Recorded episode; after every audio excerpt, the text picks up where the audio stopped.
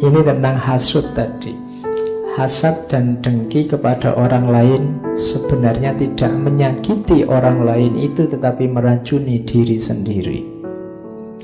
Orang yang mengatakan bahwa orang yang didengkinya itu telah jatuh adalah alamat bahwa ia sendiri telah mengakui bahwa orang itu tinggi, sebab tidak ada orang di bawah yang jatuh. Penyakit dengki merupakan gejala kehilangan kepercayaan pada diri sendiri. Orang dapat melihat tanda kedengkian pada wajah orang yang dengki karena wajah itu tidak pernah jernih, kerut selalu. Katanya Hamka. Jadi ingat-ingatlah kalian tadi yang punya rasa dengki Saya bilang tadi senang kalau lihat orang lain susah Susah kalau lihat orang lain senang Biasanya pada musuhmu, kubu sebelahmu. Ingat-ingatlah bahwa kedengkian itu tidak berefek apa pun pada orang yang kamu benci.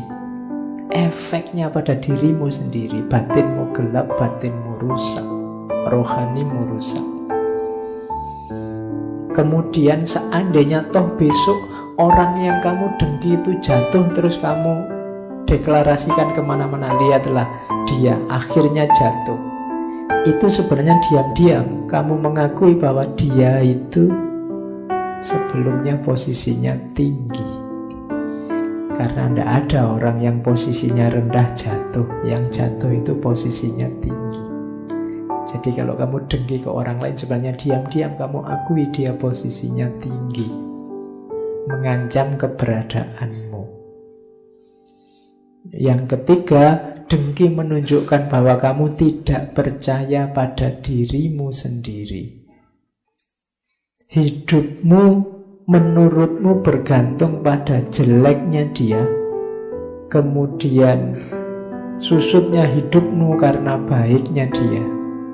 Jadi berarti apa? Kamu tidak percaya dirimu sendiri. Kalau kamu sudah percaya dirimu baik, dirimu berkualitas, kamu tidak butuh orang lain seperti apa pun monggo. Saya sudah baik di sini di jalur ini. Tapi kamu sibuk dengan orang lain menunjukkan kamu tidak percaya pada dirimu sendiri. Itu yang ketiga katanya Hamka. Dan yang keempat, orang dengki itu akan kelihatan di wajahnya. Wajahnya mesti tidak enak dilihat. Selalu muram, selalu mengkerut. Jadi mencurung terus diajak ngomong juga tidak enak.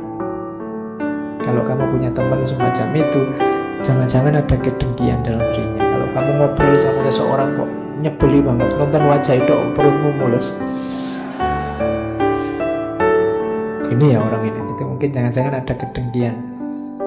Katanya Hamka wajahnya kerut selalu. Tidak senyum. Susah sekali senyum pada siapa pun.